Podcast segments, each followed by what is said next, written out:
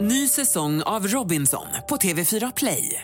Hetta, storm, hunger. Det har hela tiden varit en kamp. Nu är det blod och tårar. Fan händer just nu. Det. är Detta är inte okej. Robinson 2024, nu fucking kör vi! Streama söndag på TV4 Play.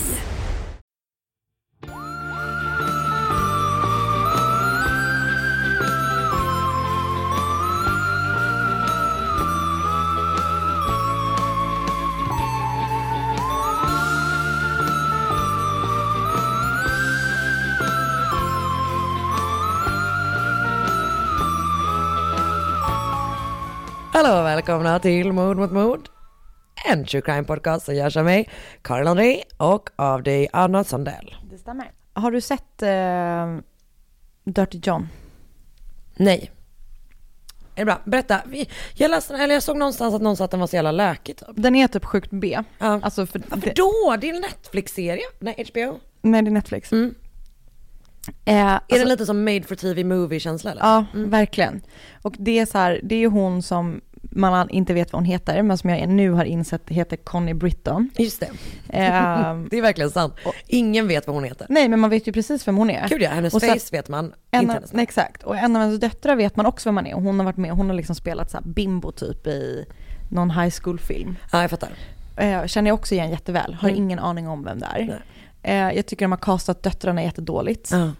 Ehm, och sen är det Erik Berna Vem är det? som är så jävla snygg. Det är han som spelar Hector i Gladiator. Nej, i eh, Troja menar jag.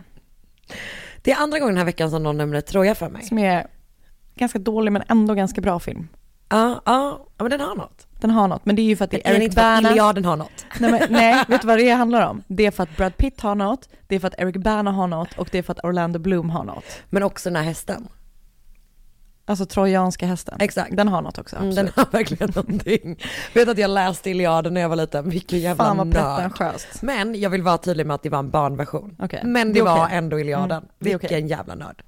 Okej, men berätta då. För det är, den är ju baserad på den här podden som Ja. är, var svinbra. Och det är, En av de därför, det är därför jag typ gillar den, för den är sjukt B. Alltså den känns verkligen, det känns som en sån film som går på lördagmorgnar på TV3, som Mm. aldrig gått på, alltså Vilket i och för sig är en kategori man gillar. 100%. procent. Mm. Men liksom i filen så är den verkligen, eh, i look and feel så är den verkligen eh, s- B. Men Ja. alltså historien är ju så jävla sjuk. Är den lika sjuk igen nu? när Men man alltså den är liksom- lika sjuk gång två, alltså det, den är typ sjukare nu. ja. För att man liksom ser människor agera ut det sjuka som händer. Ja. Han är så sjuk, alltså den är så sjuk. Det roligaste med den historien tycker jag är att han alltid går runt i samma sån Scrubs, den har tömt. Man bara, För han är en sån slapp conman. men alltså det är också... eh, Nej precis, för det är verkligen som att man bara, om jag har på mig de här kläderna så är det som att, alltså, Det är hans enda grej och folk köper det bara.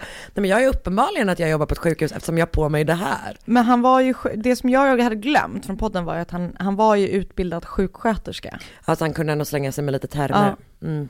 Eh, Men alltså, det är också läskigt alltså hur snabbt hon liksom trillar dit.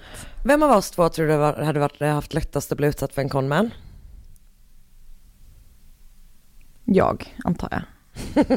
Varför då? Jag vet inte. Det bara, Just det, för att jag är den smartaste du känner. ja, det bara känns som att det är jag som hade åkt på det typ. Ja men jag tror också att det är du Alltså tyvärr. jag tror verkligen det är 100 procent. Vad gör Oskar ikväll? Är han ens jurist? Han har ju Ja. bara köpt en lagbok som han går runt Han har med. bara köpt en kostym, ja, precis en lagbok som han har under armen och en kostym.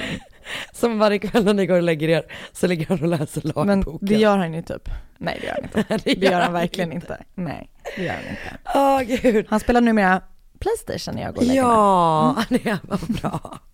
Det var så gulligt när vi, för du och jag träffades ju på alla hjärtans dag, det låter härligare än vad det var. Mm. Ja, men det var ändå härligt. Det var som jättehärligt, vi sprang på varandra. Det, Mm. Och tog ett glas bubbel bara sådär helt spontant. det är kul att vi nu får det låta som att vi tog ett glas- glas bubbel när det var bara var att jag joinade ett stort kompisgäng som du var med. Men, vi hade bara ögon för varandra. Det är som alltid. Exakt. Eh, och du bara, då skulle ändå du och Oskar mötas sen. Men, men, och typ käka middag. Men Ja. innan dess så var han hemma och, och höll på med sitt Playstation. Och jag bara, vad har han köpt för spel? Nu bara, han har inte köpt några spel. Han hade bara installerat det. Alltså, ja. Det Han är så är, vet gullig. du vad det är? Det är så peak Lukas Simonsson sketch. När en snubbe bara kom, kommer senare till sin alla hjärtans dag-dejt för att han är hemma och installerar sitt Playstation. Men gillar inte du att spela då? Vad har han för spel förresten? Han har så här... Mm, han typ rider omkring i vilda västern typ. Vänta, är det, vad heter det? Red Dead Redemption är det en Ja. grej? När man kan slå en häst på käften? Jag tror att Vänta, det... jag måste kolla om det Nej är men det, det finns ingen förpackning för han har köpt det i Playstation. det. Oj. Men han är liksom i vilda västern Ja, men jag tror att det är Red Dead Redemption. Jag känner igen Mm. det. Men han verkar, inte tycka, han verkar inte tycka själv att han är särskilt duktig på det. Går han mest omkring eller? Typ, alltså, ju- han, du, han bara, det är jättelångt intro i det här spelet. Man bara, mm. Men jag vet inte, men han eh, spelar ganska mycket. Men för det jag tänker är, alltså eh, det som är roligt att spela är ju sådana, Bilspel typ.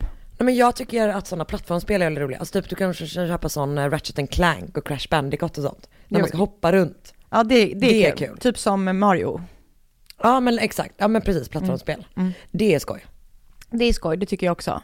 Så det kan han För köpa så sådana kan ni ha här, det som ett såna par. här spel tror jag inte att jag tycker är så kul. Nej. Och så har han ju bara köpt en kontroll, så vi kan ju heller inte spela Fy tillsammans. fan vilken diss. Nej, men han har Han bara, Alltså. sagt nej nej att, det här är ingenting som vi ska men hålla på han, har med. sagt att han gärna vill att vi ska gamea ihop, men han har bara fortfarande bara köpt en kontroll. Gud mysigt när ni ska ha LAN. Alltså- LAN är, inte- jag vet om att det inte är tv-spel. Nej. Men eh, bara, det är en rolig tanke att ni så, Så köper laddar upp med Jolt Jolt Cola. Cola, stela kanelgifflar, sitter hela jävla natten. Fan, kanelgifflar är en sån jävla dröm alltså. Fan det är jävligt gott. Men Men vi Vad skulle- är en skillnad på en giffel och en bulle? Jag tror att det är formen. Tror jag, jag vet I inte. mitt huvud så är alltså gifflarna det som blir längst ut på bullen. Alltså när man skär upp bullen Ja, just det. så blir det en liten snutt. Som är så god att äta innan den är bakad. Exakt. Men eh, det kommer aldrig bli någon nattlan för oss eftersom jag inte är, liksom, kan hålla mig vaken längre än klockan 11. Men det kanske kommer bli super in i ett spel. Alltså det händer ju inte. Alltså, jag kan ju vara super in i en tv-serie eller en film men jag, jag somnar ändå. Jag är likadan så. Mm. Eh, på tal om en tv-serie eller en film, fast en tv-serie. Har du Ja. sett Russian Doll? Nej, men jag vet att du sett den. Ah, den är fan underbar. Vad handlar Eh, den om? Den handlar om, det är hon som, eh, vad fan heter hon då, som spelar, gud nu börjar det här igen. Hon heter typ Natasha Lyon, kanske. Kan hitta på det. Mhm. Jag vet inte vem det är. Men hon är med i Orange is the new black, hon, hon är hon med det Ja, hon med håret. Hon med stora, ja. Ja. exakt, stora Ja. röda håret. Eh, hon vilket, som jag också tycker är underbar. Ja, hon är alltså, härlig. Mm. väldigt förtjust i henne. Eh, hon spelar en, en, eh, en tjej som han- hamnar i en loop. Så hon dör och kommer tillbaka och dör och kommer tillbaka. Åh gud vad jobbigt. Mm, fast den är inte jobbig, man tänker det. Eh, alltså att det är en så här störig Mm. serie, men den är jättebra. För det händer liksom tillräckligt mycket, alltså vid sidan av, eller fattar du Jag vad jag menar fattar. typ? Den, det som jag och Marcus pratade om det igår, att han bara den här hade typ varit bra även om de inte höll på att dö hela tiden. Jag fattar. Jättebra. Eh, kanske ska kolla på den då. Jag vill också göra en shout-out för jag började titta på en serie som jag tyckte verkade ganska spännande.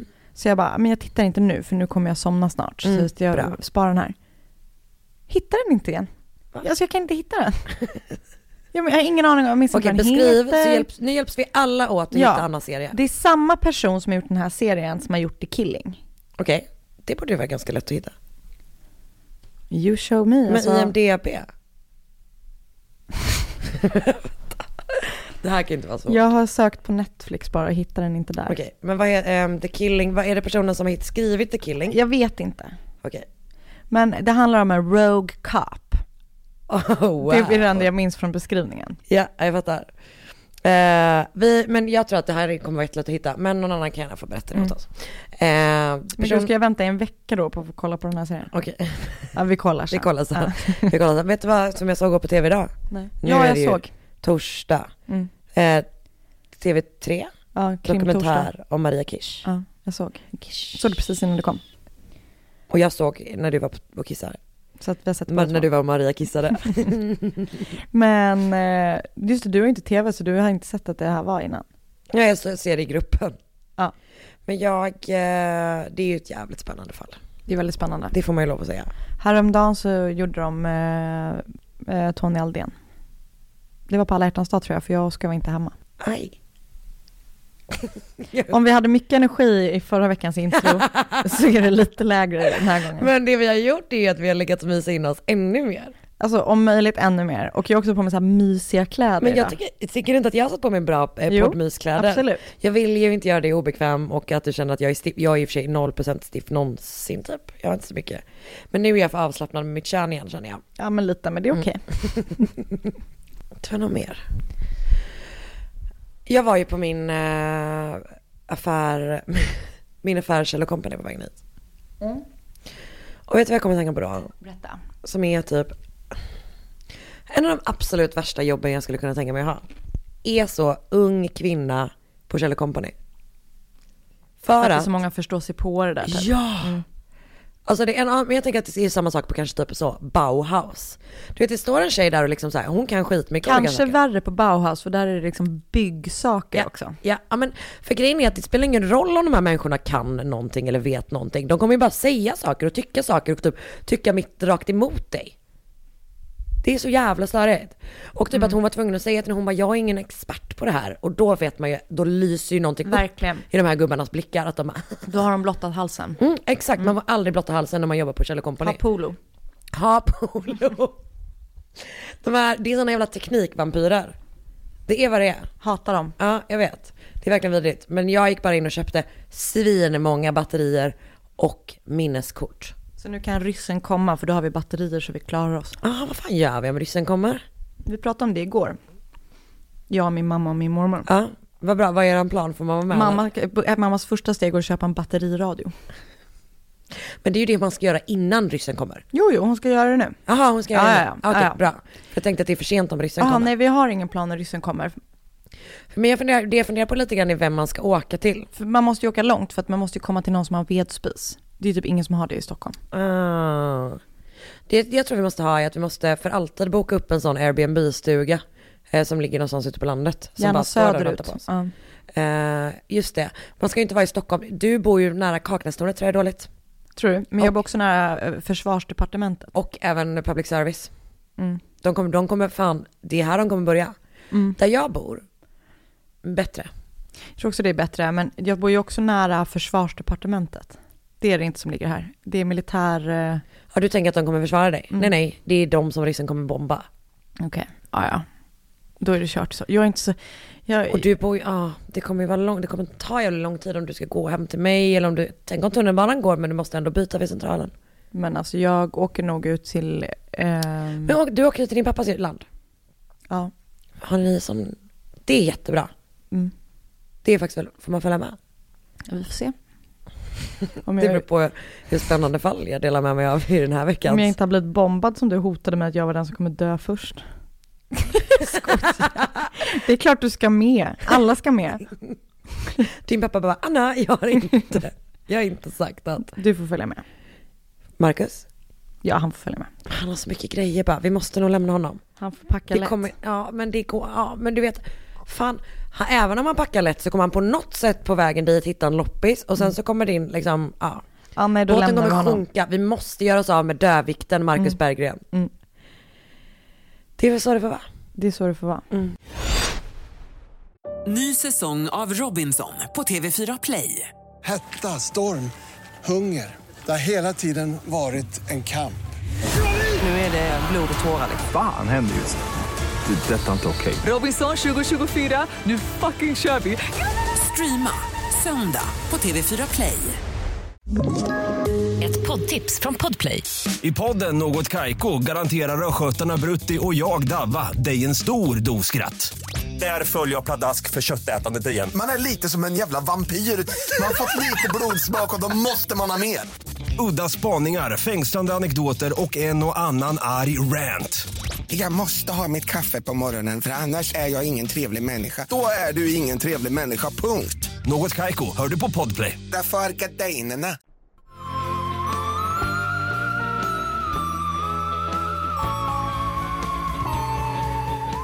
Rivningen av det gamla Klara-kvarteret Mm-hmm. är mitt fall den här veckan. Mm. Spännande. Det är ett mord på Stockholms arkitektur. Arkitektur. eh, nej, jag ska inte göra det. Nej. Utan jag ska utprata om ett eh, brott som utspelar sig i ett av de gamla husen innan de revs. Eh, det var så jävla länge sedan jag gjorde svenskt nu. Så nu var det verkligen, eh, det var hög tid kände jag. Och jag vill bara till att börja med säga då att jag har fått all min info, nästan, från Skan. Som jag brukar hitta Ja. info om svenska fall om, från. Och alltså nu kände jag att jag bara, nu har jag eh, använt Skan så mycket. Att, och det, fin- alltså han som har skrivit det, det, alltså han har skrivit en bok som heter Glömda mord. Så jag köpte den igår. Gjorde du? Ja, på Adlibris. Och vet du vad som vanns på Adlibris? Nej. Refunder, återbe- återbäring. Woho! Så jag fick tillbaka pengar på köpet. Perfekt. Jag kände att det var hög tid att stötta. Bra, jättebra. Ehm, hur så? Okej. Det är då 1965 i Klarakvarteret. Och det är liksom, finns ju då massa av rivningshus som står tomma. Och Ska vi är bara liksom, förklara var det ligger någonstans? Mm. Det ligger Det- vid Centralen i Stockholm. Exakt, det är, eh, precis. Det är nära Centralen eh, och är ju typ så superkänt för att man rev så jävla mycket gamla hus där. Mm. Jättedeppigt. Eh, och vilket var en sån, eh, eh, ja men folk protesterade jättemycket från det och sådär. Mm. Eller mot det. Eh, så att det var liksom, ja men det är någon slags sån arkitekturhistoriskt sår Mm. i stockholmares hjärta typ. Ja. Så Hur känner du? Jag tycker det är jättetråkigt. Ja men det är, för det är också för att det är så jävla fult nu. Ja, det är så alltså det är otroligt fult. riktigt jävla fult. Men vid den här tiden då så stod husen kvar. Ja. Men så som typ hyresvärdar gjorde, att man låter det förfalla så att man ska få riva liksom. Mm. Så att det är liksom lite så laglöst land där. Mm. Folk gör lite vad de vill för husen står tomma. Det har varit eh, både liksom kontor och bostäder och affärslokaler och sådär. Men allting är liksom tomt nu. Eh, och delvis tror jag typ att folk så här, ja, men åtminstone initialt då är så här squatter så att de liksom tar över och flyttar in där. Men eh, det är nog också ganska mycket att folk bara hänger där. Alltså typ att man är där och typ knarkar och super och liksom eh, sådär. Det finns ju ingen el och alla fönsterrutor är utslagna och sådär. Men folk är där liksom. Läskigt område känns det som. ändå. Jätteobehagligt. Alltså extremt obehagligt. Och typ att man är så här, ja det är klart som fan att folk kommer typ ha lättare att acceptera att man river det när man låter det, alltså man fattar varför de hyr, alltså, äh, äh, fastighetsägarna Varför de gjorde, gjorde så, ja. så. Ja. Men det, är- man, bara, man kan rusta upp saker. Och typ nu är vi ju så här, nej vi vill inte ha den jävla funkisskiten liksom. Hur som helst. På Vattugatan 9 finns då ett sånt rivningshus. Eh, det är nedgånget, alltså som fan, riktigt jävla sunkigt. Det har varit både då bostäder och kontor, men nu är det liksom, ja, Mm. helt utslaget. Ehm, och folk har liksom varit där och så här, ja men supit och sådär. Och en dag i december, det har tömts eh, under sommaren. Så att jag har hunnit gå ett gäng månader liksom. Och folk har då gjort vad fan de vill där. Eh, men en dag i december vid halv elva på förmiddagen så går tre personer, tre ungdomar, eh, dit för att röka hasch i fred. Eh, Det känns så kallt att sitta i så här ett utblåst hus i Jag december vet. och röka hasch. det är sådär nollgradigt och jävligt fuktigt. Hemskt. Åh, vidrigt, vidrigt. Eh, och de går då in i den här porten och sen går de liksom in i trapphuset och går så här, det är liksom lite avspärrningar på olika våningar och sånt men de typ klättrar över dem och sådär. Eh, och till slut kommer de då upp till tredje våningen och där går de in i ett rum som varit ett kontor tidigare. När de får syn på någonting. För mitt på golvet så ligger då en man med ansiktet liksom ner i golvet.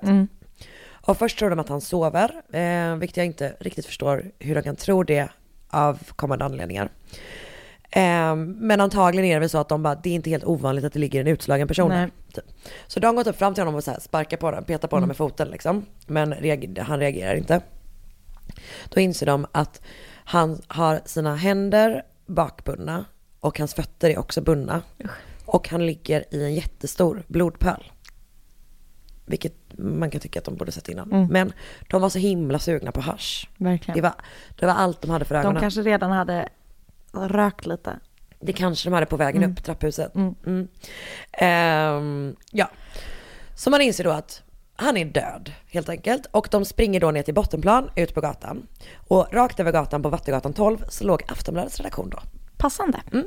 Så de springer in där och, eh, eller först så gör de sig av med haschet.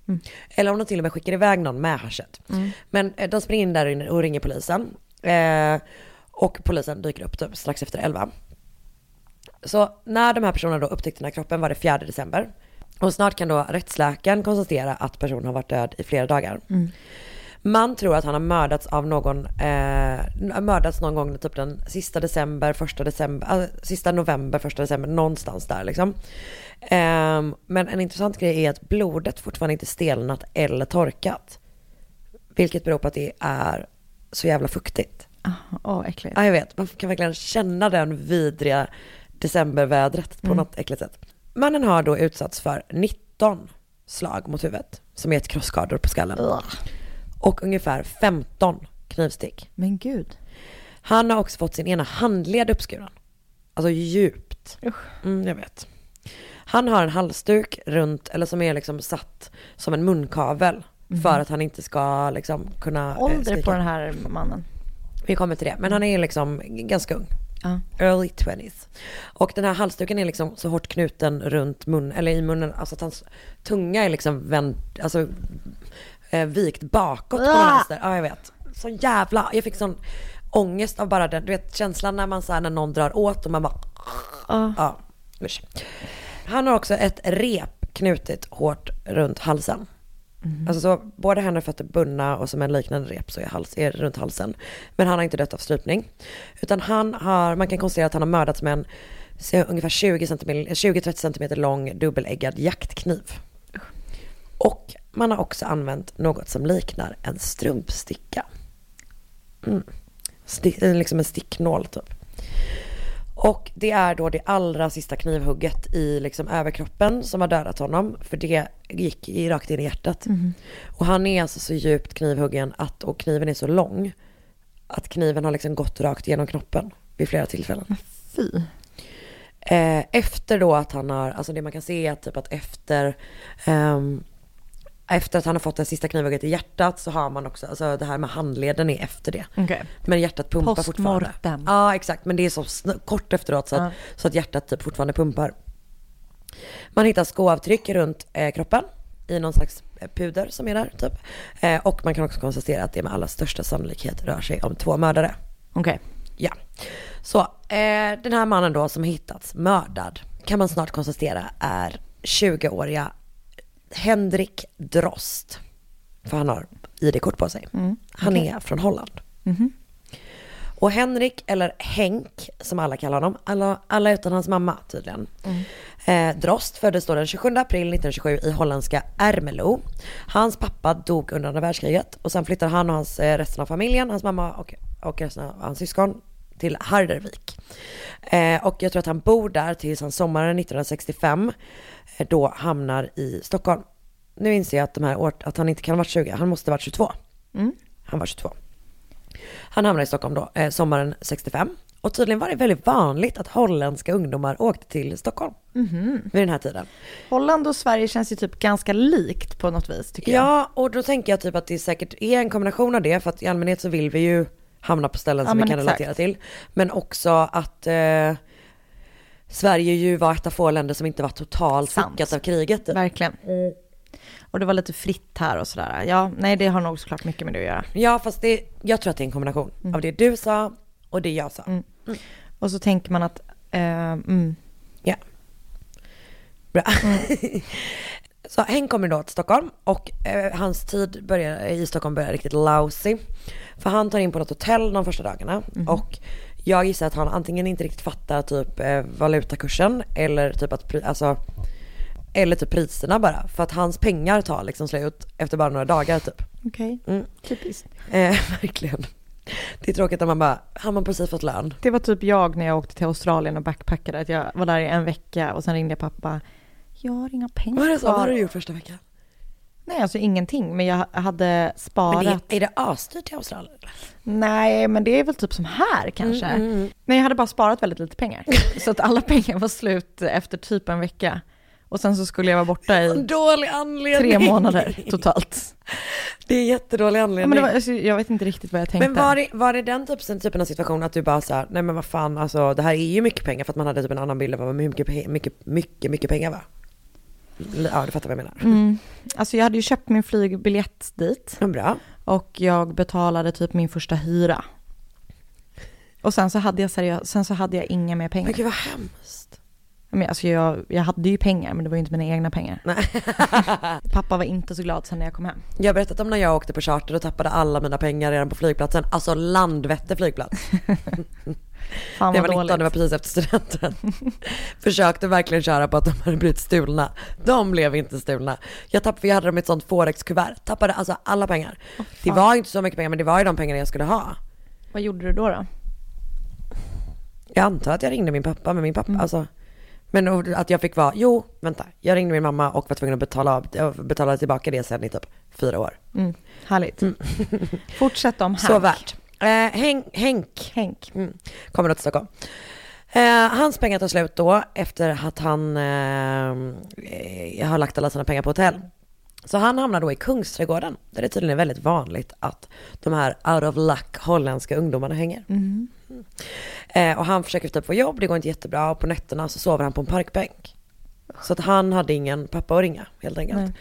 Ehm, men till slut då så har han äntligen lite flyt och så är det typ några tjejer som så här bara, han verkar typ vara en snäll kille.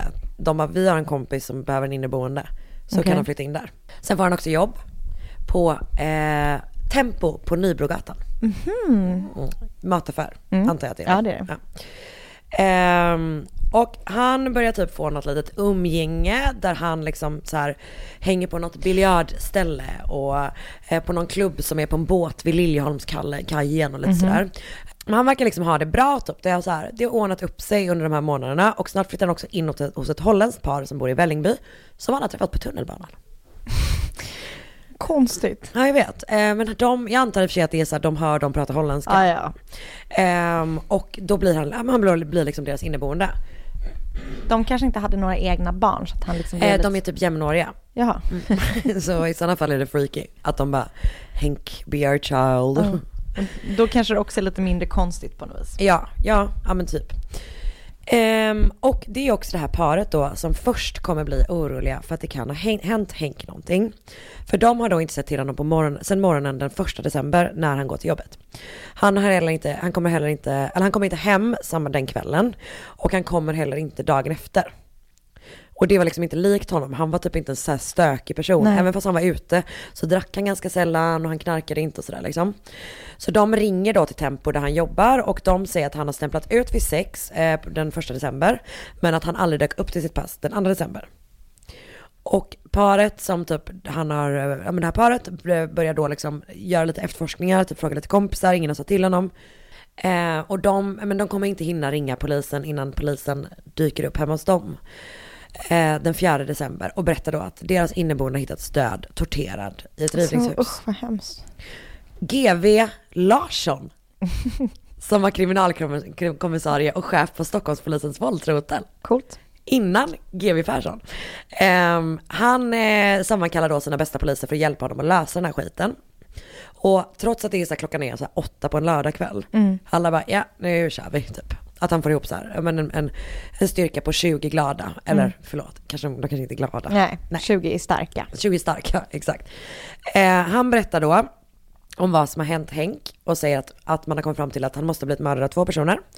Och eh, av sannolikt då att det var några han kände. Och jag tänker att det kan ha att göra med att man har redan fått reda på att han typ inte var en person som liksom hängde i Klarakvarteren. Men att han ändå har hamnat där. Man, man kan inte se att han har blivit alltså, släpad dit och sådär. Så att han måste ha gått dit med folk han litade på liksom.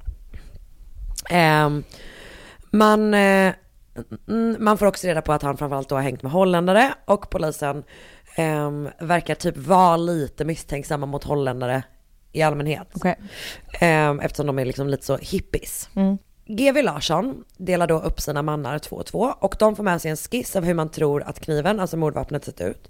De får med sig en kopia av Henrik Henks passfoto, en bild av skoavtrycket avtrycket man hittar på, vatt, eh, på platsen och sen får de med sig en liten bit av repet han bundits med. Mhm. Vilket det känns som en märklig grej. Mm. Ja, att verkligen. Kutta upp eh, Bevismaterial. bevismaterialet. Men, men.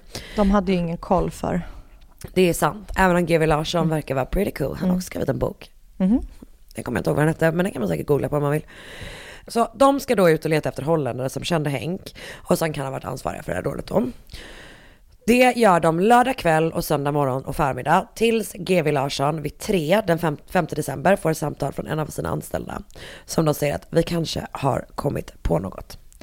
För det skulle då visa sig att mannen som ringde och hans kollega har intervjuat två holländska killar som är typ jämnåriga med Henk. De bor i en sommarstuga i Spånga. Eh, och de ja, men, sä- säger att de känner honom, men de påstår att de inte har sett honom på typ flera dagar. Men på väggen i sommarstugan så hänger då en dubbeläggad jaktkniv i en slida. Och snart, ja jag vet, alltså varje gång, varje gång Cracks me up! jag vet. Det, alltså det vet jag om att det, det var ju en sån Varför sketch. är jag en åttaårig pojke? Nej, det är ju roligt. Det är ju kul. Vi Varandra. måste- jag känner mig som en åttaårig pojke varenda gång någon Ja, säger det. ja. Men jag tänker, eh, någon av dem måste vi byta namn på. Så antingen, Kniven i slidan, eller vadå? alltså antingen måste vi byta namn på, Ja, på slidan eller på slidan. Mm. Eh, någon får gärna komma med lite förslag där. Inget äckligt. Byt namn på kvi- knivens grej. Ja. Knivens bos, bo. Bo, ja. knivbo. Mm. Eh, hänger då en dubbelleggad jaktkniv i sitt bo på Ja. väggen. Eh, man kan också typ konstatera att de har lite så här märkliga fläckar på kläder och du vet så här, ett, ett av, en av männens skor verkar då matcha avtrycken på platsen. Lite sådär. Ja, de får följa med in till stationen helt enkelt. Eh, så låt oss då prata om de här killarna som bodde i den här sommarstugan. Båda två heter Johannes och var från Holland Rörigt. rörigt. Men det är lugnt, de har två smeknamn. Så ingen av dem i den här historien kommer att heta Johannes och Nej. gör det ännu mer snurrigt. Eh, Så den 9 maj 1947 så föddes Johannes van Roff och han föddes i Rotterdam. Han kallas för Jan. Det är vad han kallas. Så vi kommer kalla honom för det också. Han verkar ha varit en helt vanlig person med en helt vanlig upp- uppväxt. Där det största traumat var att hans pappa ville att han skulle bli ingenjör och inte gå på konstskola. Okej. Mm, Ganska vanligt. Eh, det låter jobbigt men inte så jobbigt. Nej. Det är som det som du har pratat om innan, Sanna Nilssons sommarprat. Ja. Ehm, men trots det så rymmer han hemifrån 1963, då är han bara 16 år gammal. Nej det är han inte. Jo det är han. Bra. Eh, men han blev typ hemskickad direkt för att han hittas sovande i en bil. När Så. var han Mm. född sa du? 47, det stämde. Inte stämmer. Ja, han skickades hem för han sov i en bil. Han som Alltså, en bil blir påkommen. Eh, två, två år senare så hamnar han då, eller drar han till Stockholm. Där han då träffar Henk i Kungsträdgården. Mhm. Och de jobbar ett tag tillsammans på Tempo och det är Henk som fixar det jobbet till honom. Eftersom Jan då har fått sparken från sitt tidigare diskjobb eftersom han hade hotat en kollega med kniv. Trevligt. Han är, eh, vägrade också sluta ha sin eh, stora kniv med sig under tiden han jobbade på lagret på Tempo. Men Det verkar ha varit lite lugnare. Ehm, I Kungsträdgården så lär han då också känna den andra Johannes, Johannes Duchateau, som fått det otroliga smeknamnet Jupe. J-O-O-P. E. Vad var det din släkting? Dojan. Dojan. Ja, det, Dojan och Jupe är ungefär lika. Men alltså Louise heter hon egentligen. Mm. Ville kallas för Dojan. Nej, det är det konstigaste. Men det är så sjukt. Louise ville kallas för Slidan. Han föddes då i alla fall den 24 juli 44 i Surtfen. Absolut, det ligger tydligen vid tyska gränsen. Hans mamma dog när han var fyra, så han växte upp med sin pappa och sina fem äldre syskon och barnen var ensamma väldigt mycket.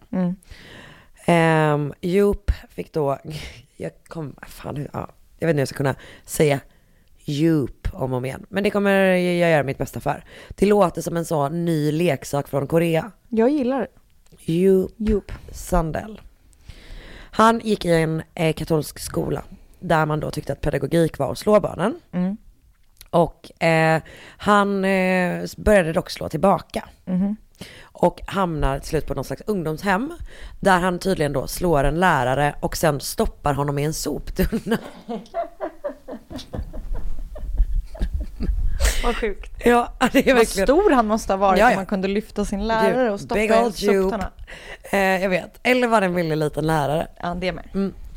Ehm, han har då någon slags övervakning på sig redan som 12-åring. Eftersom han då stjäl en bebis ur en barnvagn, binder ett rep runt barnets midja och dinglar det över ett vattenfyllt dike. Vidrig person. Ja, alltså 100% vidrig person tidigt. Han tar också en stryptag på en flicka eh, och släpper inte förrän hon är blå i ansiktet. Shit. Han kallas eh, psykopat av en läkare redan som 16-åring. Okej. Men, vet du vad han inte är? Han är inte smart, vilket är skönt eftersom Ja. det läskiga som finns är smarta psykopater. Ja. Han är tydligen eh, under normalbegåvad. Ehm, det kan också bara ha varit en läkare som tyckte illa om honom. Jag vet inte. Men det är asläskigt. Men en grej jag är lite förtjust i honom för är att han verkar ha kört moppe från Holland till Sverige. Fan vad sjukt. Mm, jag vet. I mitt huvud är flackmoppe. Det vet jag ingenting om. Mm. Det tror jag inte. Nej, okej. Vad tror du? Jag är ingen historia. Krossmoppe. Ja. I Sverige så blir han känd bland holländarna för att han gillar att sjunga snuskiga visor. Han verkar äkta störig, men i mitt huvud så är det bara att han kör runt på en flaggmoppe och sjunger Björn Rosenström fast på holländska. Ehm, han bor då ett tag på en camping tillsammans med några andra holländare. Men, och man tror att han försörjer sig som sexarbetare. Han träffar också på Henk ute och i Kungsträdgården och gillar inte honom för att han tycker att han är full of himself. Okej. Ehm, för trots att Henk är liksom lite såhär tafatt så tycker folk ändå om honom. Och det stör Jupe. När det blir, eh, börjar bli för kallt att bo kvar på den här campingen så har då Jupe turen att av en slump träffa en snubbe som har en stuga på sin tomt. Mm. Så han flyttar dit och snart så bör, flyttar då Jan, Jan Mm. också efter. Och de har inte varit supernära tidigare men nu blir de liksom tajtare och tajtare. Och det visade sig då snart att de har lite gemensamt. Framförallt att båda två är- är väldigt intresserade av vapen och våld. Mm. Så snart har de köpt varsin batong och Joop inhandlar också då en 33 cm lång Det är så kniv. jävla stor Det kniv. är för långt. Det är för jävla långt. Tycker inte, jag går inte med på det. Så efter ett tag är liksom våld och mord, det är typ allt de pratar om hemma. Okej. Det är som vi. Ja, verkligen. Men de hade, ing- de hade eh, världens första podcast.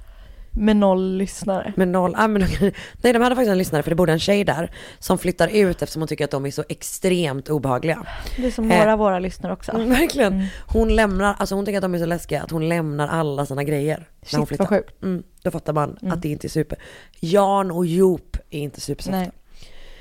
Ehm, så deras liksom gemensamma våldsfantasier eskalerar och nu är vi då tillbaka hos polisen den 5 december 1965. Båda två är gripna. Först säger de ingenting, men den 8 december säger Joop att han visserligen varit där eh, under tiden, men att det är Jan som är den anstä- eh, ansvariga. Jan säger tvärtom. Hör och häpna. De, bestäm, de, de väl bestämmer sig för att berätta allt, vilket är typ runt nyår, så det är gått liksom nästan en hel jävla månad. Eh, så visar det sig att det enda motivet som fanns var att de ville mörda och tortera någon. Jag hatar sådana motiv. Ja, det är verkligen, är det ens ett motiv? Nej. Nej. Så det som hänt är följande då. De har diskuterat fram och tillbaka vem de ska döda. Alltså verkligen bara så här, mm, vi vill ju döda. Det är men som vem en ska- sån här läskig high school, mm, de Det- men det där jag tänker- pojkarna. Mm. Ja, exakt. Ja, men, eh, precis. Exakt, det känns som att vi hade, vi kommer ihåg att vi gjorde ett avsnitt bara om tonåringar Mm. som mördar. Det var liksom, du, ditt fall då var ju verkligen så. Ehm, och det har liksom, de har en lista på fem personer till slut. Bland Mm. annat är den tjejen som bodde med dem med på den listan. Och, men Joop då som alltid har stört sig på Henk lyckas liksom jag tror inte att Jan har nog ingenting emot honom överhuvudtaget. Alltså, det var ju han som fixade jobbet till honom och sådär. Han, det är ju bara att han lyckas manipulera honom. Och Joop beskrivs också senare som liksom ledaren. Typ. Vilket känns rimligt eftersom han verkar vara en fullblodspsykopat. Så den första december så möter de då Henk utanför Tempo på Nybrogatan när han slutar jobbet klockan sex. Och säger de att han, de har ett meddelande till honom från en tjej som han gillar. Hemskt. Och hon vill träffa honom och att de, och hon ska, de ska då ta med honom till den här tjejen så att de kan hänga typ. Och han följer med, vilket också är så jävla hemskt att han bara nu ska jag träffa, Ah, Mm. det är så sorgligt. Och väl i huset så inser han väl då kanske att hon inte kommer komma eller så fortsätter han bara hoppas. Mm. För att han, behå- han liksom håller sig lugn, säger, påstår de i alla fall senare. Mm. Och jag tänker typ också att det finns liksom ingen anledning för honom att vara rädd bland de här snubbarna. För Det är han har aldrig kompisar gjort dem liksom. någonting, exakt. Som sagt de jobbar ihop, han har fixat jobbet, det finns liksom ingen anledning att någon ska skada honom. Men eh, plötsligt så, så plockar de fram rep. Och en av dem håller fast Henk med den andra binder honom. Och de sätter liksom fast honom vid en pelare på någon vänster. Men sen så vet de liksom inte vad de ska göra. Vem ska liksom börja? Och hur typ. Så de står borta vid ett fönster och typ viskar om det. För de har på förhand gjort en plan som är en av de äckligaste. Där de, för de vill då tortera Henk i flera timmar. Det ska- Det här ska inte gå snabbt liksom. Eh, bland annat då har de sagt att de ska rista in hakors på hans bröst. De ska göra det med sticknålar som de då har hittat bland den här tjejens grejer som hon har lämnat kvar. Liksom. När de har ristat in ett hakkors så ska de hälla salt i såret. Fy fan. Och det är ju också för att typ, polisen ska tro att det var något liksom, nazi-relaterat brott typ. Ehm, det finns andra saker de har planerat att göra som är, alltså Kan du säga något? okej, de har planerat att använda sticknålarna I snoppen. ja. Exakt. Aj, Nej det är så hemskt. det gör ont i min fiffi Jag nu. vet. Din slida. Ja. Men det som är bra Anna i alla fall är att de inte kommer göra det. Bra. Eh, utan istället så börjar de enkelt med att eh, plocka på sig Henks plånbok där de tar 50 kronor. 50 riksdaler, det är ju ändå alltid 50 riksdaler. Det är verkligen sant. Vad tror du att det är i dagens pengavärde? 500? Det tror jag verkligen jag också. Bra. Eh, och Henk ber dem liksom att släppa honom och bara säga jag kommer inte säga någonting om ni bara släpper mig nu. Jag kommer inte säga någonting till någon att ni har gjort det här, bla bla bla. Typ. Men ingenting hjälper förstås. Och till slut så är det då Joop som börjar. Och han börjar med att skära upp Henks tröja från liksom halsen hela vägen ner med den här stora kniven. Usch vad läskigt. Ja, jag vet. Det är verkligen jätteobehagligt. Och sen så börjar han då slå Henk i huvudet med skaftet på kniven, vilket jag inte riktigt vet hur han gör. Men han, det är liksom det som är tillhygget som de använder, använder vad jag har kunnat läsa mig till. Jag tänker att om det är en, en 33 cm Så är kniv så är det skaftet säkert ett säkert jävligt rätt stort, Ja, skaft Det är också. verkligen sant. Eh, och Henk fortsätter liksom att be dem att sluta och bara jag kommer inte säga något, bara snälla släpp mig typ. Men då är det då de binder då den här halsduken runt munnen på Ja, ja. honom. Och sen stryper de honom tillsammans. Alltså de lägger ett rep runt hans hals och så drar de åt varsitt håll. Men fy fan vad vidrigt. Och sen hugger de, turas de om om att hugga honom i alltså överkroppen. Som sagt så djupt att kropp, alltså kniven går igenom liksom. Och Henk dör då av ett sista knivhugg mo- i hjärtat. Men det är Jan som skär upp handleden på honom. Varför liksom? Nej, men jag tror bara att det är att de hade För att bestämt sig jävlas, innan för ja. Mm. att skada så jävla mycket som möjligt liksom. Så det enda positiva med det här fruktansvärda är att de har då tänkt att hålla honom vid liv i flera timmar. Men det tar typ 10 minuter. Ja. Vilket är liksom det enda som är bra typ. Mm. De sänker också, eh, ja men de typ drar tillbaka hem och liksom så här, okej vad fan gör vi? De är typ täckta i blod. De tar någon taxi. För att de bara, vi kan inte åka tunnelbana. Man bara, Ni kan inte åka taxi heller. nej exakt. Det är Ni får verkligen fan så. gå till Spånga efter det där. Verkligen. Det är det minsta. Nu behöver ni en god promenad. Eh, vart ligger Spånga? Du är härifrån. Jag tror att det ligger söder om stan. Det här är ju faktiskt helt pinsamt. Nej, det ligger nog... eh, Sluta peka på mig. Hörru du, du, På spåret. Gud, tänk dig du och jag är På spåret. Men På Vart spåret har är de vi väl på aldrig... väg? Vi har ingen på- aning. Där har de väl aldrig liksom Haft Spånga. haft, haft pendeltågsstationer. Jag tror att det är norr om stan. Jag har ångrat mig helt och hållet. Det är norr om stan. För söder om stan så ligger till exempel Stuvsta. Men nu var det bara att du sa en ort som ligger söder om stan. Att Stuvsta ligger där betyder väl inte att Br- Spånga inte ligger där? Ja, okej. Spånga ligger alltså vid Tensta-Rinkeby. Så det är norr om stan, som jag sa. Så du hade rätt. Mm. Bra. Där. Dit hade de kunnat gå. Det gör de inte. De åker dit. De gör sig av med deras sina blodiga kläder genom att sänka dem i ett, by, alltså i liksom ett bylte vid Slussen. Mm-hmm. Med typ gatstenar tynger de, tynger de ner det och de har aldrig hittats. Alltså dykare har varit där ute och Vad letat. sjukt. Inte hittats. Det är verkligen sjukt ja. Ehm, men trots det så finns ju då liksom uppenbarligen tillräckligt med bevis för att binda dem till brottet. Man hittar också den här listan där det står vilka de har tänkt att mörda. Jävla idioter alltså. Ehm, och dessutom som har de erkänt.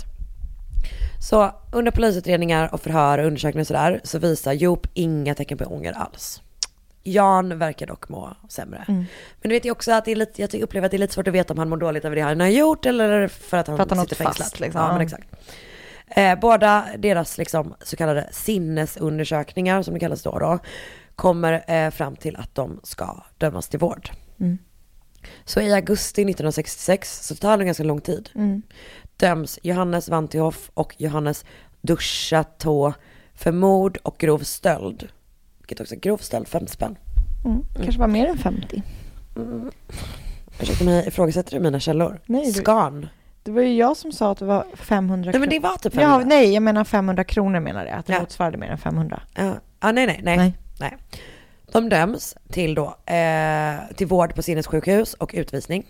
Ja. Jan hamnar i Falköping och Joop i Växjö. Men redan efter ett år så utlämnas de till eh, Holland. Och det verkar inte finnas några som helst uppgifter om vad som hände dem sen. Sjukt. Så de bara fick dra. Alltså bara ett år, det är så jävla kort tid eller?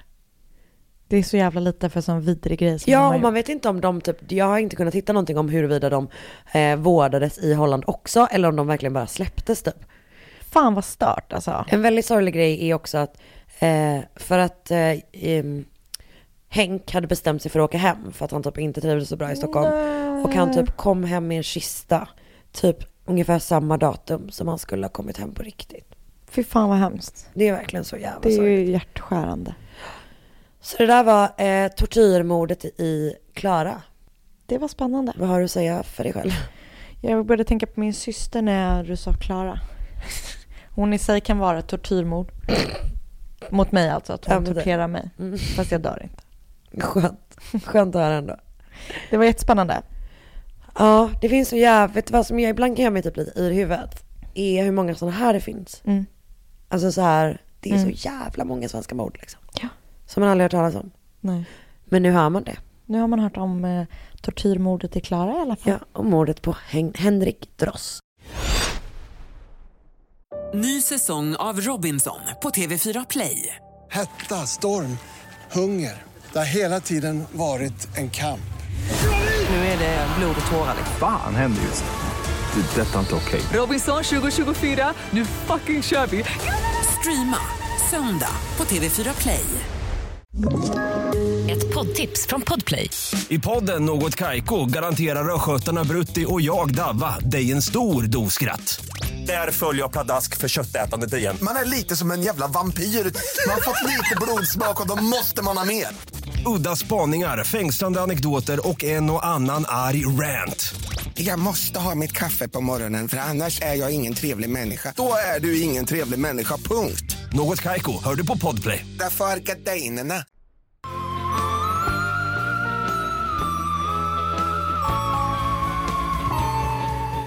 Jag har ju döpt om alla avsnitt eh, i fel ordningssiffror i min, eh, bland mina manus. Så det är väldigt svårt för mig att hitta. Vad på vilket sätt? Men jag har typ kallat, jag började så här 47, 47,1, 47, 48. Alltså vet jag bara, när vi- jag höll på att byta fall och sånt där. Just det, just det. Ja, för du har påbörjat någonting innan du, ja. Exakt. Fan vad soft. Och så har du inte riktigt kunnat bestämma dig för Nej, det där. så att jag kör lite en egen, det är lite sån här egen tideräkning Nu är det som bara jag att du brukar ska göra. berätta om När jag räknar, relation till din syster. När jag räknar räknar jag som jag vill. det är så jävla dålig grej att räkna som man vill. verkligen, det är som när man var liten och bara så där går inte sångtexten, så bara jag får väl sjunga som jag vill. Så bara, Man bara, nej. ja det får du men det är ju fortfarande fel. Det är fortfarande verkligen. Gör det du, om du vill göra Såna bort dig. Trump-supporterfasoner. Nej, men jag kanske tycker så. Jag kanske vill, jag ja, kanske, ja. ja, jag får väl göra så här om jag vill. ja. Okej, Det- Det, förlåt. Verkligen passus. Men det är som folk som bara, vi har, inte, vi har ju för fan, eh, yttrandefrihet. vi har ju yttrandefrihet. Man bara, ja, ja, men man kan ju fortfarande ha fel. Eller hur? Verkligen. 100 procent. Mm, ja. Det var dagens politik. Verkligen. Ehm, Okej. Så eh, exorcism är ju en eh, tradition som har funnits i liksom, flera hundratusentals år eh, genom olika kulturer och religioner. Mm. Det är ju verkligen en gammal tradition. Eh, men det, och det var först under 1500-talet som det också blev väldigt populärt inom den katolska kyrkan. Ah. Eh, då präster använde sig av termen vadi retro satana, vilket betyder gå tillbaka satan när de ville driva... Det var bra, eller hur? Bra Tänk, vänta, kan du exorcist. göra det igen? Gå tillbaka satan. Alltså, det bästa av allt är att du gjorde en så katolsk spirit hand. Ja. eh, när de ville driva ut demoner då. Mm.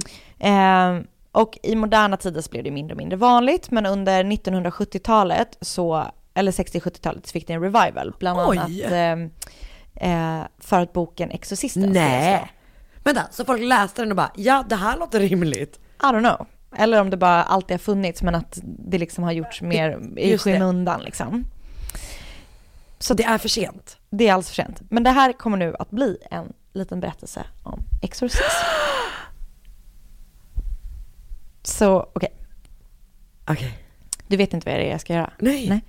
Ehm, I september 1952 föddes Anna Elisabeth Mitchell i Liebfling i Bayern i Tyskland. Och Hon kallas för eh, Annelies, kommer hon kallas för. Eh, eh, hon hade tre stycken systrar och en mamma och en pappa och de var alla liksom väldigt aktivt religiösa i den romersk-katolska kyrkan. Och barnen, eller hela familjen gick liksom på mässa eh, i kyrkan två gånger i veckan. Romersk-katolska antar jag att man är väldigt peppad på påven eller? Ja, det tror jag också. Eh, Och Det är väl i och för sig alla, ah, skitsamma. jag tror att romersk-katolska är typ den van, liksom, inom såna grova Okej, den såna här van- ja. vanliga katolska kyrkan. Okej. Tror jag. Ja. För sen finns det ju grek, grekisk ortodox och Just så här. det, just det. Och då, ja, men I don't know, jag är inte någon eh, expert. Du, det såg ut så på den här Jag handleden. har läst eh, religionshistoria, så man skulle kunna tycka att jag eh, skulle vara en Ah. Vad expert. Mm. Eh, kristendomen var min mest, minst intressanta religion att Mm. läsa om. Mm. Eh, tätt följt efter Gud, Eh. religiöst hatbrott. tätt följt av buddhism. Ehm, ja, så de var då liksom strikt religiösa.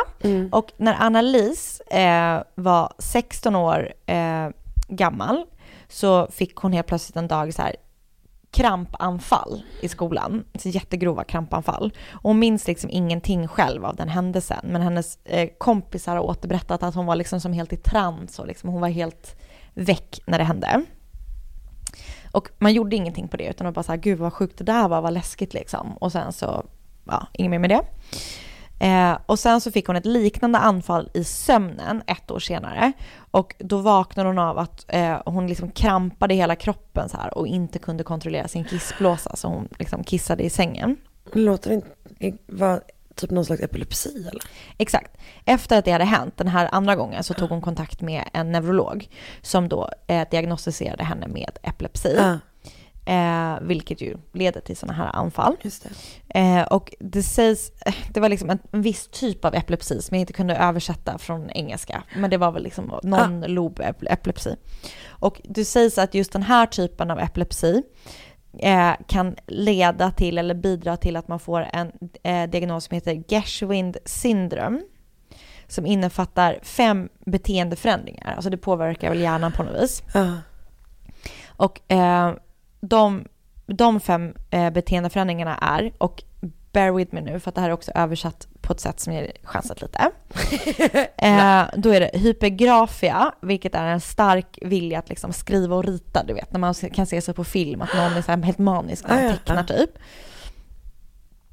Hyperreligiositet, Ah, eh, och vilket jävlar vad spännande. Ja, vilket innebär att man får sjukt starka öv- liksom religiösa övertygelser som liksom ofta krockar med det vardagliga livet. Eh, Det innefattar också förändrad sexualitet, vilket det oftast är eh, minskad sexualitet. Ja. Ehm, eller sexualitet. Sex- Sexdrift drift. liksom är det. Ehm, sexlust hade jag till och med skrivit. Och även någonting som man kallar eh, för circumstantial speech. Vilket innebär osammanhängande tal eh, eller osamman, eh, som, eh, som följd av osammanhängande tankegångar. Ah, okej, så att man okej. liksom bara, det är typ tala i tungor tänker jag. Eller du vet Ah, liksom ja, när ja. man är sådär. Gud, Allt det här är ju verkligen upplagt för att man ska tro att någon är besatt av djävulen. 100 procent. Eh, och sist men inte minst då, så innefattar det något som är lite luddigt men ett iten- intensifierat mentalt liv. Alltså liksom, det är väl något Ah, ah, att man- superstarkt, sy- liksom, att det Ah, händer inre saker. liv liksom, ah, Ja. att hjärnan går på högvarv typ. Exakt. Eh, och när hon hade fått sin diagnos epilepsi så fick hon väl någon slags medicin mot epilepsin och hon började plugga på universitetet i Würzburg Mm. 1973. Och tyvärr så liksom verkade inte medicinen eller så fick hon en för svag dos och sådär. Eh, jag vet inte exakt vilket. Så istället blev hon allt sämre. Nej, stackars. Eh, Så och jävla hemskt när folk har typ sökt hjälp. så vidrigt. Ja, och sen, mm. hon blev sämre och då började hon då tro att hon var besatt av en demon. Så det är hon som tror det Hon själv. Ah, tror det. Hon är helt övertygad om Vilket det. också typ förstås spelar, i- alltså hänger ihop med alla de symptomen Precis. som du just Ja, beskrev. och att då hon är liksom fostrad. Superreligiös redan från Superreligiös. början. Mm. Eh, så att eftersom, men liksom, hon fick ju ingen hjälp, eh, liksom, eller det hjälpte ju inte när hon eh, fick läkarhjälp. Så f- då försökte hon istället söka hjälp utanför det medicinska fältet. Det är aldrig Eh, en bra grej. Nej. Eh, Så hon då, ja precis, och för hon blir snabbt värre. Och hon säger att hon börjar se djävulens ansikte samtidigt som hon hörde liksom demonernas röster. Och eh, rösterna sa till henne att hon var ett förbannat, en förbannad liksom kvinna och att hon skulle ruttna i, i fängelset har jag skrivit, men jag men, det är helvetet. Det sa mitt ex om mig också. Eh, och ehm, alla de här rösterna pratade också med henne under tiden hon bad till Gud. Alltså hon kunde sitta och be liksom. Och då så liksom hörde hon alla de här rösterna vilket då gjorde det ännu tydligare för henne att det måste vara liksom djävulen som besitter Som henne. Mm. försöker tränga in typ, det här är så jävla läskigt. Det är så sjukt läskigt. Så hon då söker hjälp utan, utanför det medicinska fältet. Så hon bet- kontaktar flera olika präster för att få hjälp med de här, liksom, att driva ut demonerna. Men alla de här prästerna uppmuntrar henne att så här, nej men du ska du får söka psykiatrisk hjälp eller medicinsk hjälp. Bra. Eh, och så sa de också att så här, även om vi hade velat så kan vi inte hjälpa dig för att vi liksom måste söka bisko- eh, tillstånd hos biskopen och sådär. Så det är liksom inte bara man, någonting man kan göra. Eh, Kul- Kul när man bara, eh, hej, jag skulle vilja söka exorcistkörkort. alltså, alltså medicinering hjälper inte och hon får inte hjälp av några präster och samtidigt blir hon liksom bara sämre och sämre. Eh, och hon var ju då liksom helt övertygad om att hon var besatt av demonerna. Så att när hon liksom våndades i det här, alltså det är så här rev hon av sina kläder, det här är liksom exempel på vad hon har gjort. Hon har så här slitit av sig alla kläder. Hon har så här krälat under bordet, där, ett bord där hon har liksom stannat i två dagar och skällt som en hund. Hon åt upp spindlar som hon hittade på golvet och åt upp kol från brasan. Och vid ett tillfälle så bet hon huvudet av en fågel och hon har också så här kissat på golvet och sen slickat upp allt sitt egna urin. Så hon mår liksom verkligen inte bra. Och till slut så får hennes mamma tag på en präst som heter, eller hette Ernst Alt som kunde eh, tänka sig att utföra exorcism på Annalise. Eh, och han, han menade att det, liksom, det var tydligt att hon inte led av epilepsi, så att det var liksom någonting helt annat. Absolut, Ernst allt. Så han skrev till biskop Josef Stangel som till slut godkände ansökan och så sa han att Ernst Alt fick göra det här tillsammans med en lokal präst som bodde där, liksom familjen bodde, vid namn Arnold Rentz. Men att de var tvungna att göra det i total hemlighet, liksom. det fick inte komma ut. Så de tio kommande månaderna så jobbade de med eh, Annelies och hon genomgick så många som 67 sessioner av exorcism som pågick upp till fyra timmar. Eh, hon berättade under eh, liksom sessionerna vilka demoner hon var besatt av och det var fem demoner. Och det var Lucifer, alltså djävulen, eh, Kain, Judas, Adolf Hitler och eh, Nero, alltså kejsar Nero. Men gud, och de här fem... vilket jävla gäng. Vilket jävla gäng. Och de här fem demonerna liksom bråkade med, he- med varandra i henne. Så det var typ att, och jag, som jag, Älskling. så jävla hemskt. Och som jag förstår det så verbaliserade hon också liksom det de sa. Så typ att eh, Adolf Hitler sa typ så här, alla människor är svin, bla bla bla bla bla så här. Och då så ska Judas ha svarat Hitler att bara så här, you're all talk och you big mouth typ så. Som bara, Hitler gjorde också grejer, men absolut. Påstår, du, påstår du att Hitler bara Verkligen var all en talk. talker? Nej, men så de liksom bråkar med varandra i henne. Hon är så jävla sjuk. Hon mår så, verkligen. Och så är det det här som man försöker, ah fy fan vad hemskt. Så under de här tio månaderna så var hon, eh, liksom, under de, alla, de här sessionerna så var hon fastbunden vid Mm. sängen. För att liksom, de kunde inte kontrollera henne. Eh, och jag läste någonstans att det enda som lugnade henne var när hon fick tröst av sin mamma. Och det är så jävla hjärtskärande tycker jag. För att det är verkligen så här, eh, ja såklart. För Ja. att det är fan hennes hon är mamma. sjuk och hon är hennes sjuk. mamma. Ja. Alltså, så jävla Åh, hemskt. gud. Man bara, Eh. vi kanske ska ha mer av det där som funkar. Ja men exakt. Och mindre av det där andra. Men det som är så hemskt var att hon själv var ju så övertygad om Ah, ja. det. Att det var liksom inte att det var någon annan som bara vi ska driva djävulen ur dig utan det var hon som bara snälla ta, ur, ta djävulen ur mig liksom.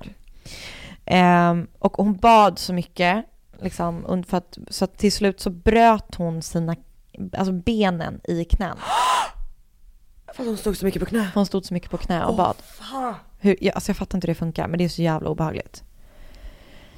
Eh, så hon, det finns alltså såna, ja, det finns en film som jag inte vill titta på från, eh, från eh, exorcismövningarna. Jag kan inte titta på Vart där det. hon i film.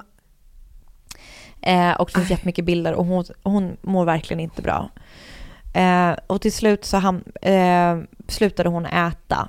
Den, liksom hon ville inte äta mer. Och den första juli 1976 så dog hon till slut av uttorkning och undernäring. Så jävla hemskt.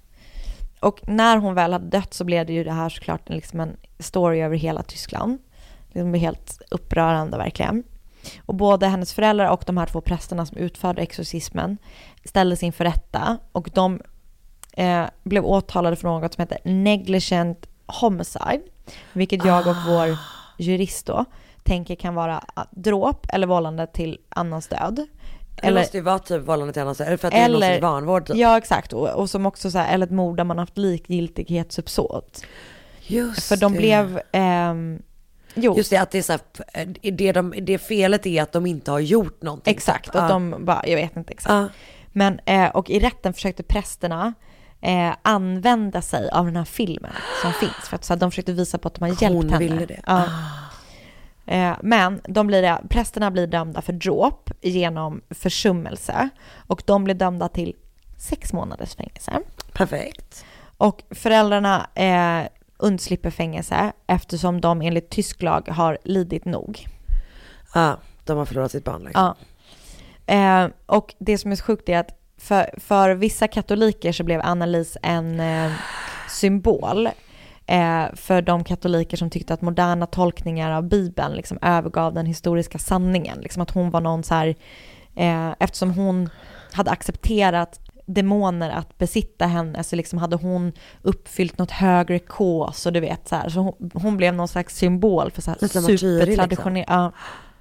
Man bara, vänta, vänta, tycker ni att det här är en positiv grej? Nej men det är så sjukt. Så att liksom, det kom så här bussar från andra länder som så här vallfärdade till hennes grav. Och Aj så här. vad vidrigt. Som att hon var ett helgon Ja. liksom. Aj fy fan vad vidrigt. Medan då andra som vi liksom tänker då att så här, det här är så jävla hemskt. Hon är he- helt uppenbart supersjuk och får inte hjälp liksom. Så istället plågades hon till döds istället för att liksom... Tio månader.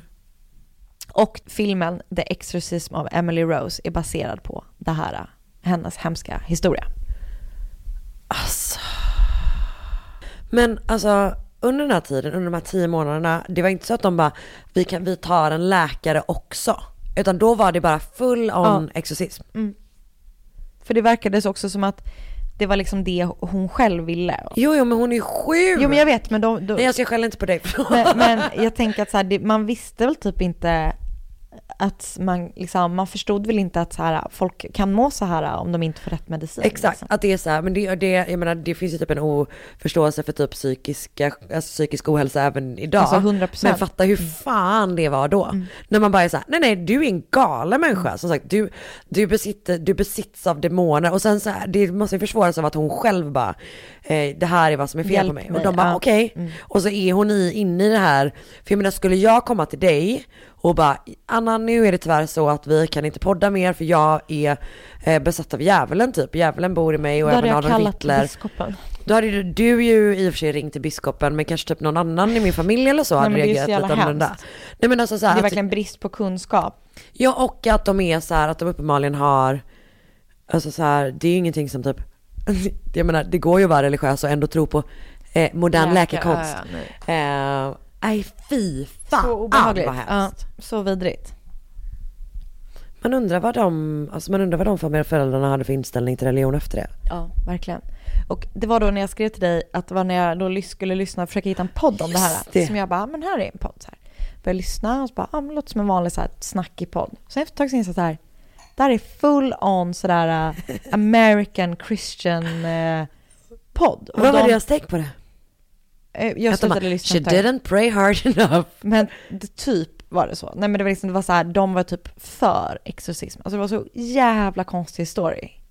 Då blir man ju typ mörkrädd när man hamnar i sådana, att man, det är ju typ det läskigaste du har Bara, lyssnat på ja, nej, någonsin. men 2018 så är det två män som liksom låter som, det lät alltså som en, en hug. Alltså En var- sån snubbig Ja. true crime skojpodd Exakt. typ. Ja. Och så var det liksom bara så här, nej okej, nej de pratar om religion, liksom om kristendom. Och att typ såhär, det här var en rimlig grej att göra. Inte riktigt så, men liksom de pratar om så här, ah, alltså bara så jävla stört. Ah shit alltså. Den hette Jesus 911, vilket jag också tyckte var lite så här, var inte det lät mysigt. som ett kul namn. Otroligt liksom. namn. Ja, Vi Men- kommer nu byta namn till Jesus 112 ja. på den här jävla podden. Du, nu tycker jag, jag tycker vi ska äta Vi måste och äta middag runda av nu. Vi måste snart. äta middag nu. Ja. Tack för eh, Tack snälla, den det här här var veckan. så jävla sjukt. Ja, ditt var så spännande. Vi är så Det bra. var så spännande. Vi är så bra och ni är så bra. Ni är så bra alla Eh, som gå lyssnar. med i vår Facebookgrupp om ni inte redan har gjort det. 6 000 pers. Är vi uppe i det nu? Vi är över. Du skojar med Nej. mig! Skål! Skål. Ding. Ding! Jag orkar inte luta mig fram. Mord mot mord podcast på Facebook. Fan Ja. vad fett! Det är så coolt. Det var inte länge sedan det var 5000. Nej. Ni är helt tokiga hörni. Eh, följ dig på Instagram, att Sandelanna mig, eh, att Karin Londre. Där önskar ni fall av oss. Eh, skriv en snäll recension om ni vill göra det. Hejdå! Ny säsong av Robinson på TV4 Play. Hetta, storm, hunger. Det har hela tiden varit en kamp. Nu är det blod och tårar. Fan händer just det. Det är detta inte okej. Robinson 2024, nu fucking kör vi! Streama söndag på TV4 Play.